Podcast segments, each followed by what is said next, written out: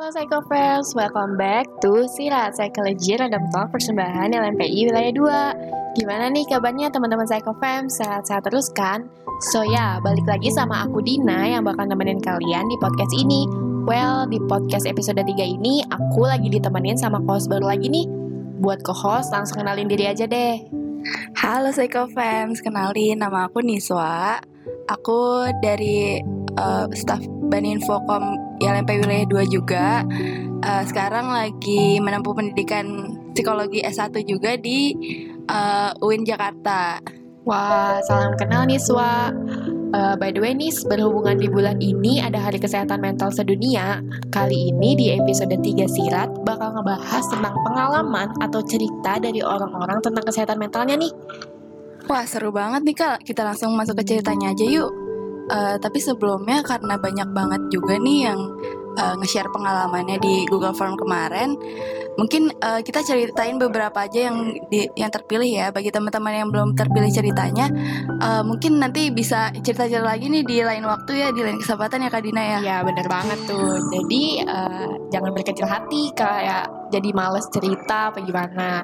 So langsung aja kita masuk ke cerita pertama Oke, ini aku mau bacain. Dia nulis inisialnya itu strip. Jadi uh, ceritanya gini, gue punya pacar, gue sayang banget sama dia, udah jalan lima tahun, tapi makin lama, makin sadar, eh secara sadar gak sadar, gue ngelarang dia masuk deket, eh untuk deket sama siapa pun, mau itu cewek ataupun cowok. Sebelumnya dia pernah selingkuh dari gue dua kali, dengan bodohnya gue mau balik lagi ke dia. Dan sekarang sikap gue kayak gini karena efek pernah diselingkuhin gak sih? Jadi makin over protect ke dia. Gue sebenarnya juga juga pengen ngebebasin dia tapi rasanya kalau dia main sama teman-temannya tanpa gue gue ngerasa cemburu dan gak suka. Gimana ya caranya biar gue uh, bisa percaya lagi dan bisa buang pemikiran-pemikiran negatif? Kalau dia di luar gue pengen hubungan gue balik sehat lagi gitu Aduh, gimana nih Kak Dina? Tentang toxic relationship kali ya iya, bisa dibilang. Kalau misalnya udah ke over over protective gitu jatuhnya toxic nggak sih kak? Ya bisa dibilang gitu sih. Soalnya kan gimana pun namanya menghubungi eh menjalani suatu hubungan, lu harus percaya dong sama orang tersebut kan. Lo harus punya rasa kepercayaan yang bisa dibilang tinggi lah. Soalnya coba gimana lo ngejalanin hubungan lo menyatukan dua pemikiran orang tapi lo tuh nggak punya rasa percaya. Ya udah ujung-ujungnya bakal kayak gini. Malah nggak sehat malah nanya-nanyain hal yang gak jelas dan eh, nggak uh, bikin nyaman pasangan lo Iya benar banget nih kak. Kalau kasus kayak gini mungkin banyak banget juga ya kak di di sekitaran kita yang overprotective, cemburu, nggak suka uh, pacarnya bergaul dengan lawan jenis. Mungkin itu juga wajar banget sih perasaan yang kamu alami itu sebenarnya wajar banget. Terus uh, mungkin kenapa bisa kayak gitu? Karena udah ngelihat dari pengalaman diselingkuhin juga kan jadinya tuh kepercayaan kalian runtuh. Karena kan ya namanya kepercayaan gimana sih dia yang paling susah untuk dibangun tapi paling gampang runtuh juga kan. Nah terus uh, apa namanya kita jadi was-was kan gara-gara dibohongin dan lama-lama posesif dan itu jadi toksik sayangnya kalau misalnya kita udah nyadar itu toksik buat keluarnya itu susah ya kan ya, nah kalau menurut aku sih uh, gimana nih? Kan si sendernya ini mau gimana caranya hubungannya biar balik sehat lagi. Mm -hmm. Kalau dari aku, menurut aku sih balik lagi ke orangnya. Kira-kira bisa nggak nih kamu percaya lagi? Yeah. Sebenarnya inti dari semuanya ini adalah komunikasi. Ya, komunikasi sama kepercayaan. Karena kan kepercayaan itu suatu hal yang paling gampang dulu yang tadi aku sebutin itu kan. Apalagi kasusnya dia udah diselingkuhin dua kali. Gimana orang nggak trauma kan? Terus uh, bisa nggak tuh orangnya dipercaya lagi? Nah, terus kalau misalnya kamu percaya dia bisa berubah, apalagi kan uh, namanya orang ya pasti bakal berubah. Tapi sayangnya perubahan seorang itu bukan kendali kita, iya, jadi kita nggak bisa itu uh, kemauan orang tersebut ingin iya tergantung atau tidak. Nah, tergantung orangnya itu. Jadi kita oke okay, dia bisa berubah mungkin, tapi kita nggak bisa ngatur dia bakal berubah, lu iya. bakal berubah gitu. Kita cuma bisa berharap, berharap dan uh, apa ya ngasih pilihan untuk dia mau berubah atau enggak. Sebenarnya komunikasi coba kalian komunikasi ini kalian kalian kan yang punya hubungan kalian komunikasikan baiknya gimana nih supaya uh, kalian tuh eh, yang satu pihak nggak ngerasa was-was, yang satu lagi nggak terus-menerus menge- menggampangkan serta nantinya jadi men- eh, selingkuh lagi gitu. Nah, kalau misal kamu udah percaya nih, eh, apalagi eh tapi jangan terlalu berharap juga karena harapan itu nanti yang bakal ngecewain kita juga Iya. Ya kan? Jangan berharap sama manusia. Nah, itu dia. Nah, tapi kalau misalnya kamu udah milih untuk percaya nih, ya udah tinggal percaya aja karena kepercaya kepercayaan itu juga merupakan eh, bahan dasar. Fondasi. Iya, fondasi, Fondasi. bahan dasar dari segala jenis hubungan, Iya, itu pacaran, teman, Keluarga, Apa pun. kepercayaan itu adalah yang Iya, paling utama. Betul. Karena gimana cara kita tahu orang orang itu sayang sama kita kalau kita nggak percaya, Iya, ya kan? Berarti Iya, kita harus percaya dulu. percaya dan komunikasi. Coba deh Gitu. kalian komunikasi secara berdua empat mata. Terus ini lagi nih kak, aku mau bahas lagi kalau misalnya dia udah milih percaya, gimana ya udah tinggal percaya aja. Jadi eh, apa namanya mikir aja kayak gini, eh, pacar kamu ngomong sama lawan jenis, Heeh. orang yang diajak ngomong itu belum tentu suka sama pacar Ah, kamu. iya itu benar banget. Ya kan? Jadi Karena kayak- iya, nggak nggak semua orang yang berbicara sama pacar kamu itu uh, punya perasaan lebih gitu loh. Iya, benar banget tuh kak. Jadi eh terus aku mau nambahin lagi nih karena ini benar-benar lihat banget ya di seharian kita. Apa ya kalau misalnya udah diselingkuhin, misalnya kamu udah milih percaya terus di entah misalnya eh, amit-amit bakal diselingkuhin ketiga kalinya, ya udah berarti udah, udah tanda banget kalau kita harus pergi dari dia nggak sih? iya. Deserve better banget. Iya, kamu udah udah udah percaya, kamu udah komunikasi maunya kita kayak gimana, uh, bentuk uh, pas apa menjalin hubungan seperti apa yang mau kita mau terus misalkan dia masih nyelingkuhin kamu lagi nih, udah mending tinggalin aja. Ya udah masih Oke. Oke, Kita masuk ke kasus kedua kasus kedua nih. dari J. Ketika saya kecil sampai hari ini, saya tidak pernah merasakan sosok ayah yang dengan jelas menyayangi anaknya. Ayah saya selalu membentak, bahkan waktu saya kecil, ayah saya selalu memukul saya. Tapi alhamdulillah, ketika saya kuliah, saya tidak pernah lagi dipukul oleh ayah saya. Tapi saya tetap dibentak dengan keras, dimaki, direndahkan, tidak dihargai, diremehkan. Ketika saya membuat kesalahan kecil, karena saya berusaha keras untuk tidak membuat kesalahan. Oh, jadi dia eh, buat kesalahan kecil, terus dia dibentak ya. Eh, namun saya hanya manusia biasa, pasti akan membuat kesalahan meski itu kecil. Eh, hal itu selalu terja- terjadi ketika saya kecil dan saya baru menyadari kata-kata itu tidak boleh dilontarkan seorang ayah ketika saya duduk di kelas 5 SD. Berarti dia dapat perkataan buruk nih dari ayahnya. Saya pikir saya akan baik-baik saja karena saya masih bisa menjalani hari-hari saya normal seperti biasanya. Tetapi ternyata itu menjadikan saya berusaha keras untuk tidak membenci ayah saya karena sakit hati yang terus terjadi selama bertahun-tahun. Ketika orang lain sakit hati karena omongan orang yang tidak dekat dengannya, saya justru selalu sakit hati dan merasa down karena omongan orang tua saya sendiri. Saya bercerita pada ibu saya tentang apa yang saya rasakan. Ibu saya hanya bilang, maklumi saja karena ayah saya sedang stres dengan pekerjaannya. Ibu dan ayah saya selalu bertengkar di depan saya dan saudara-saudara saya yang lain. Omongan-omongan menyakitkan dari ayah saya yang dilontarkan untuk ibu saya terdengar jelas di telinga saya. Hancur rasanya karena saya tidak bisa membantu, hanya bisa diam. Mental saya tidak stabil. Saya selalu merasa orang lain pasti membenci membenci saya meskipun orang itu baik sekali dengan saya. Satu atau dua orang yang peduli dengan saya, yang menghargai saya sangat-sangat berarti untuk saya. Karena saya tidak mendapatkan itu di rumah. Rumah saya bukan seperti rumah, melainkan rumah yang membuat saya sesak setiap harinya. Ketika mencoba kuliah online untuk mendapatkan nilai yang bagus, selalu saja ada hal yang membuat saya harus menangis di sela-sela kelas Zoom dilaksanakan atau sedang mengerjakan tugas. Karena saya tiba-tiba dibentak saat Zoom berlangsung, yang saya sendiri tidak paham apa masalahnya. Saya pikir ini hanya pikiran saya saja, tapi ternyata anak-anak yang anak-anak ayah saya yang lain selalu menjadi pelampiasan emosi ayah saya ketika ayah saya sedang ada masalah. Ini selalu mengganjal, tetapi saya di setiap ketinggian atau saya melihat rel kereta, saya selalu membayangkan bagaimana kalau saya jatuh di rel itu dan saya jatuh dari ketinggian. Apakah ada penjelasan psikologinya? Terima kasih. Waduh, Waduh, berat banget nih Kak Dina. Eh, dia ini ya orang tuanya lumayan keras ikannya ya. kurang kayaknya kurang suportif kali ya. Ti- kurang mendukung anaknya ini balik lagi nih kayaknya komunikasi juga deh Dan, tapi bedanya tadi komunikasi ya sama pasangan sekarang komunikasi sama orang tua Nah iya benar banget nih. Jadi kita juga harus ngebangun komunikasi yang baik terhadap orang tua. Jadi gimana caranya kita bisa komunikasin apa yang kita butuhkan, apa yang kita mau ya kan? Ya, jadi uh, memahami diri sendiri dulu itu juga. Terus juga, aduh, ada kata-kata ini nih Nis di terakhir dia selalu mau melompat ke rel kereta. Waduh, kayaknya udah masuk ke tahap suicide gitu ya. Mungkin ini uh, sender mau minta penjelasan psikologisnya mengapa dia kalau ngelihat rel kereta rasanya pengen jatuh kali ya kak? Iya, uh, coba deh kamu uh, datang ke profesional. Takutnya kan kamu udah terlalu depres atau kayak gimana. Kan kita juga nggak bisa self diagnose atau asal diagnose juga kan. Jadi coba untuk ke profesional daripada kamu malah pengen ngakhirin hidup terus. Itu kan nggak baik juga ya.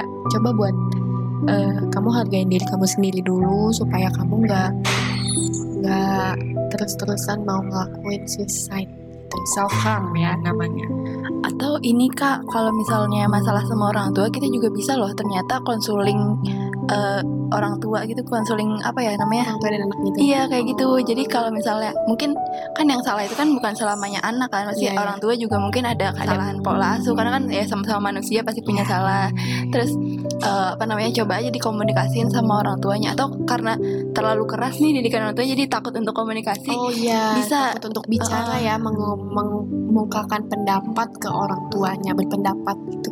Ya kamu bisa banget buat datang konsultasi uh, ke psikolog ya, atau pokoknya yang tenaga profesional lah. Atau mungkin kalau misalnya ke psikolog gitu kan biasanya biayanya lumayan ya kak. Apalagi kalau kita masih pelajar yang gimana sih uang jajan pasti takutnya nanti apa namanya kebanyakan konseling malah Hmm, stres iya, nggak iya, punya uang. Mungkin bisa juga nih coba ke konseling konseling online kan udah lumayan banyak tuh dan juga beberapa eh, apa namanya ada yang adain layanan konseling gratis Iya. gitu kak banyak loh ternyata di media-media online tuh di, Iya, di- eh, dicari aja bisa tuh ada konseling gratis coba aja dulu Ya, siapa tahu bisa membantu hidup hidup kamu tuh berharga. Kalau dari campaign LMPI kemarin, you are worth. asik Oke, kita masuk ke kasus ketiga. Dari Azura. What is self-harm? I don't know either, but I think it's not only caused by a depression. I'm lonely at this time. I need attention, but not as narcissistic or histrionic. It gives me pleasure to until I started to realize it's so scary and it's not good. I think I start to grow up slowly, but it comes back to me now. I'm afraid and alone again. Kamu nanya apa itu self harm? Kamu nggak tahu penjelasannya. Eh, ya self harm itu bukan sekedar depresi sama rasa kehilangan sih. Iya benar banget tuh kak. Sebenarnya nih aku pernah dibilangin sama dosen aku kak. Jadi ternyata kalau misalnya kita udah kepikiran untuk ke sana, gimana sih tanda kutip ke sana dan udah mikirin buat nyakitin diri sendiri, sebenarnya itu tuh kita menandakan bahwa kita butuh eh, pertolongan, Pertolongan. eh, butuh pertolongan dari eh, profesional gitu. Jadi apa ya? Karena bahaya banget apalagi apalagi oh ya, apalagi nih kalau kita udah kepikiran untuk ke sana, itu tuh eh, sebisa mungkin kita jangan sendirian. Itu bahaya Oh, banget ya Oh iya iya iya benar. Dia bilang di sini I'm afraid and alone again. Sebenarnya kamu nggak perlu takut sih kayak ya udah kamu nggak perlu takut buat ngerasa sendiri gitu loh. Atau coba lihat sekeliling, kan pasti kadang tuh kadang tuh orang tuh takut dia ngerasa sendiri atau merasa sendiri tapi nggak nggak nggak sadar gitu loh sebenarnya banyak orang yang ngelilingin dia tanda kutipnya tuh kayak sayang gitu loh sama dia. Dia tuh nggak sadar kalau orang-orang tuh peduliin dia gitu tapi dia ngerasanya selalu sendiri gitu loh. Itu bisa jadi awal mula stres juga depres juga tuh kejadiannya kayak gitu oke masuk kasus keempat aku yang bacain kali ini ya kak. Boleh, boleh, boleh. Oke, ini dari AF, inisialnya AF. Jadi, halo Min, gue mau sharing cerita aja nih awal munculnya COVID 2020 kemarin. Ekonomi, tensi, dan suasana rumah mendadak kacau. Terpaksa gue uh, kerja buat bayar kuliah gue sendiri ngurangin beban beban pundak ortu gue. Di saat itu juga, kuliah, organisasi, teman, sampai pacar kena dampaknya karena kebiasaan stres gue yang suka hilang-hilangan makin parah. So, timbul hate dari di seluruh umat pertemanan, ha, kata dia. Terus, uh, bacotan mereka yang bilang gue nggak tanggung jawab, lemah, dan bilang gue ngada-ngada. Ya, soal ini gue masih fine. Cuma sakit tipis-tipis, ha. Terus, yang lumayan kenapa dia usaha sih? Terus lanjut lanjut. Terus yang lumayan gak ngenakin soal ortu gue dan pacar. Udah satu tahun lebih gue pacaran pas itu. Masuk ke bulan 13 gue mulai curiga nih datangnya orang ketiga. Uh. Selingkuh lagi nih. Aduh berat banget selingkuh cuy. Terus uh, dilihat dari doi dilihat selalu barengan pas rapat yang di mana cewek gue beda organisasi sama gue uh, sampai ngerogotin ngegerogotin pikiran gue dengan curiga, overthinking gak jelas, marah-marah mulu dan akhirnya gue capek dengan sandiwaranya. Dia confess ke gue bahwa bener dia udah ada yang lain. Wah bagus sih tapi udah selingkuh ya, jujur ya, jujur. Terus dan gobloknya masih gue coba benerin hubungan ini dengan mengikhlaskan masalah ini. Biar terus bareng sama dia. Ya mungkin gue goblok. Ya mungkin gue goblok tapi kejadian itu cuma ngebuktiin bahwa curigaan dan overthinking bener. Jadi nggak ngebuat gue kaget. Tapi ini mirip mirip cerita yang pertama ya. Dia yeah. diselingkuhin tapi balik lagi karena masih sayang. Yeah. salah juga. Terus tapi ya gue tetap milih sama orang itu dan gue cuma bisa ya udah gitu. Terus uh, mungkin keputusan ini membuat gue jadi fokus ke masalah gue yang lebih penting keluarga. Omongan ortu gue yang anggap gue anak gagal anak pertama eh gue jadi gue gagal jadi anak pertama sorry. Terus uh, membuat gue stres banget pas itu gue cuma bisa diem karena emang pernah ada perilaku gue yang menyimpang. Oh jadi dia pernah melakukan penyimpang sehingga orang tuanya nganggap dia anak pertama gagal. yang gagal. oke. Okay. terus tapi udah lama banget. Jadi gue beranggapan perubahan yang bikin gak pernah dihargai sama mereka. Ah gimana? Tapi udah lama banget. Jadi gue beranggapan perubahan yang bikin gak pernah dihargai sama mereka. Perasaan bersalah dan adik-adik gue yang bikin gue masih stay buat terus berjuang bersihin kacamata mereka dari semua pengkhianatan yang cerit yang gue ceritain di atas bikin gue capek banget sampai hampir tidur selamanya wow tapi sekali lagi adik-adik gue masih butuh gue. Perasaan ini membuat gue motong tali yang udah gue pasang. Wow, aku speechless. Terus dan lanjutin perjuangan gue dan sekarang semuanya udah normal, alhamdulillah. Ortu gue udah bisa ngeliat kebaikan gue lakuin di luar rumah. Mantan gue ngajak balikan dan teman-teman gue yang kemarin masih hate gue tapi nggak ngaruh sih semua gue lewatin hanya dengan gue tetap berbuat baik sebaik mungkin karena gue ngerasa berbuat baik pas keadaan lagi di titik terendah itu susah banget. Dan balasannya gue lolos masalah ini dan membuat jadi pribadi yang humanis. Pesannya buat lo yang lagi ngerasa capek banget lo punya diri lo yang selalu nganggap eh lo punya diri lo selalu anggap lemah tapi lu punya diri yang selalu lu anggap lemah. Ah. tapi gue yakin lu bisa ngelewatin semuanya hanya dengan lu dan Tuhan yang nemenin. Dan buat kalian please be kind because you don't know what people have been through thank you banget loh Kak Dina tambahannya. Aku bingung bacanya. Oke, okay, sebelumnya makasih ya nih AF udah berani cerita dan udah bertahan juga itu suatu hal yang keren yeah. sih menurut aku. Terus uh, apalagi ya? Ini tuh dia kan udah pernah kepikiran untuk S word ya kan. Yeah. Tapi dia ada alasan kenapa dia bisa bertahan yaitu adik-adiknya. Nah, balik lagi nih ke teman-teman yang mungkin udah ngerasa capek banget, udah lelah banget kayak apa gue akhirin aja kayak gitu tuh. Coba deh dipikirin lagi apa di sekeliling kita ada nggak sih alasan hal-hal yang bisa bikin kita bertahan. Entah itu uh, tem eh teman itu kan teman atau adik-adik atau ponakan kayak eh gue nggak mau nih dilihat sebagai orang yang mengenaskan buat iya, buat, buat, uh, ponakan-ponakan uh, tua kalau iya. ya. ini kayaknya kan dari tadi dari semua yang kita bacain mereka pada menjurus ke suicide. Mm-mm. ayolah uh, dengan kalian melakukan suicide tuh masalah kalian tuh nggak akan kelar. Ya benar masalah banget. malah nambah masalah gitu loh.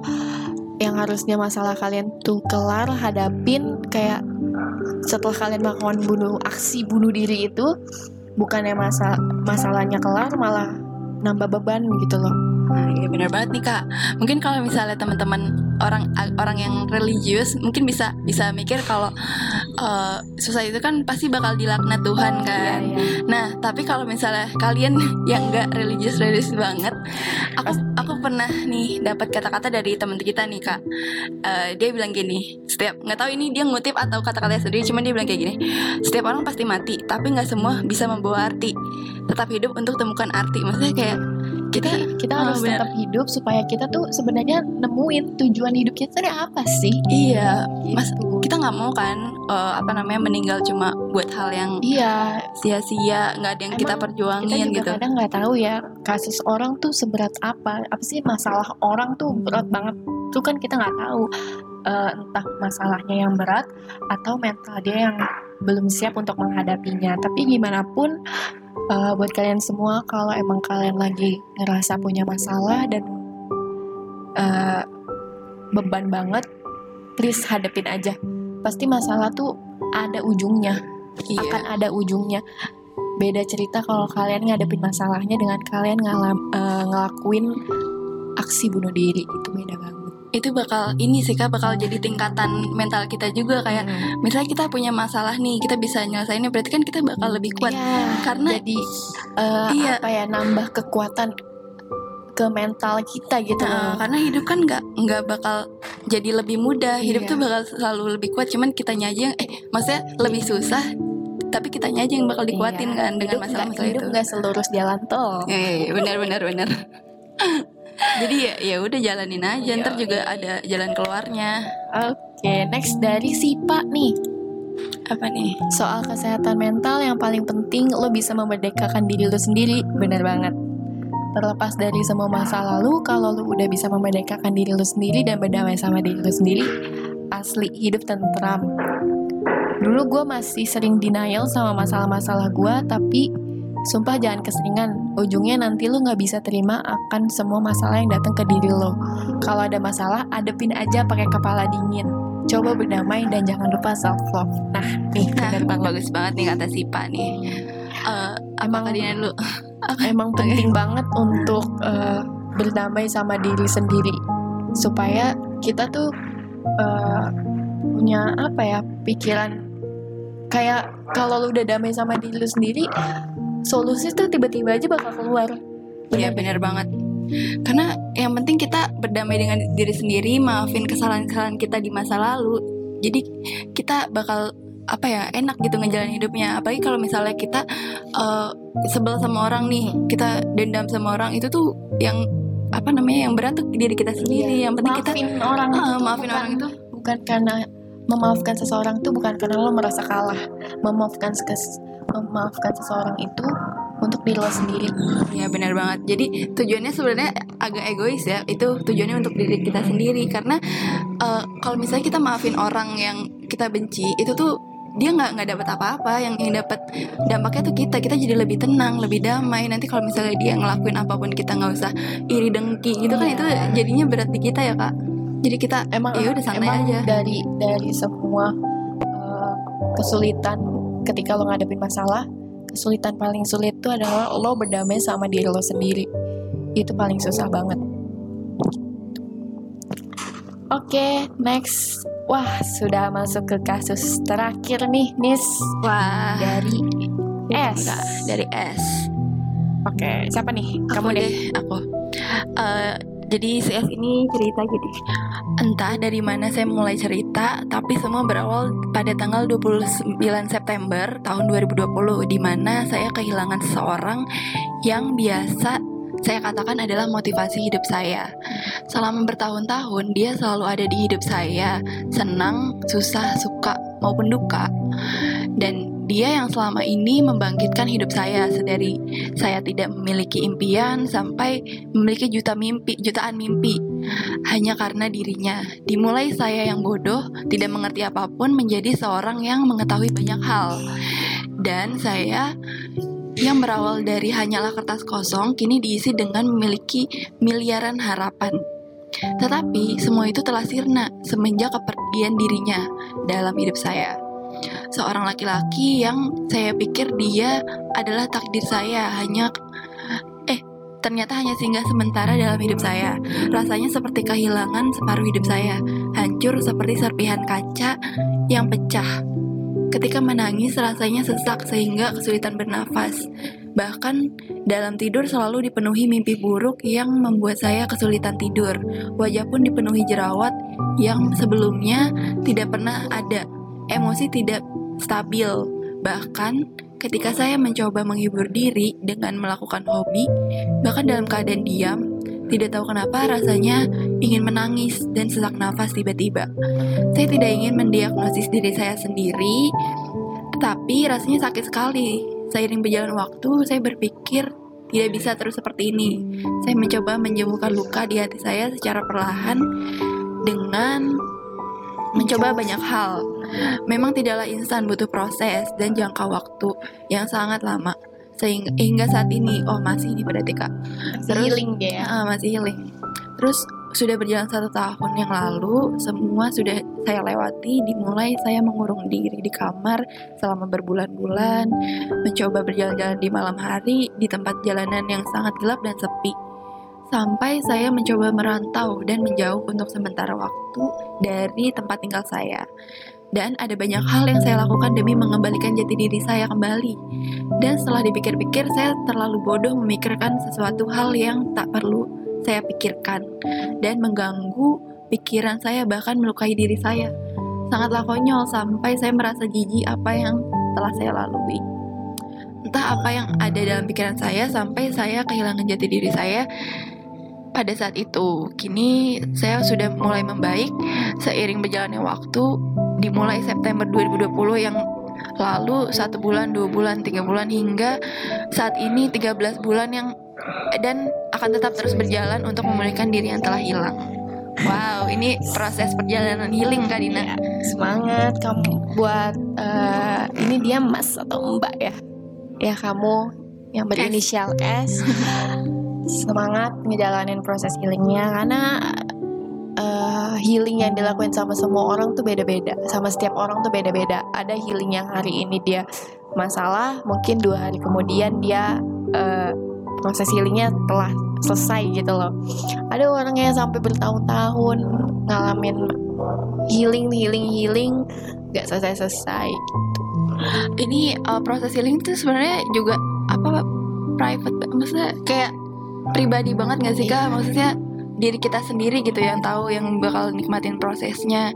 Terus dari kasusnya si S ini nih kita juga belajar ternyata nggak ada satupun orang yang akan selamanya di hidup kita Iya. ya nggak sih kak mau itu jadi teman pacar atau bahkan orang tua juga Iya. suatu saat bakal kita pisah sama mereka kan pasti ujung-ujungnya kalian bakal sendiri lagi dan kalian tuh nggak bisa selalu bergantung sama orang lain boleh eh, menaruh kepercayaan kepada orang lain tapi kalau kalian belum percaya sama diri kalian sendiri, kalau kalian belum yakin sama diri kalian sendiri, gimana kalian mau percaya orang lain? Gimana kalian eh, bisa ngasih kepercayaan ke orang lain gitu loh? Nah, benar banget nih Kak Dina. Yang penting eh, apa nggak apa-apa kita kehilangan orang lain, kehilangan siapa pun. Yang penting kita jangan kehilangan diri kita sendiri Iya. karena pada akhirnya kita bakal hidup sendiri juga nggak sih Kak? People Nggak ada, come and go. nah nggak ada yang nggak ada yang bisa kita harapin selain diri kita sendiri.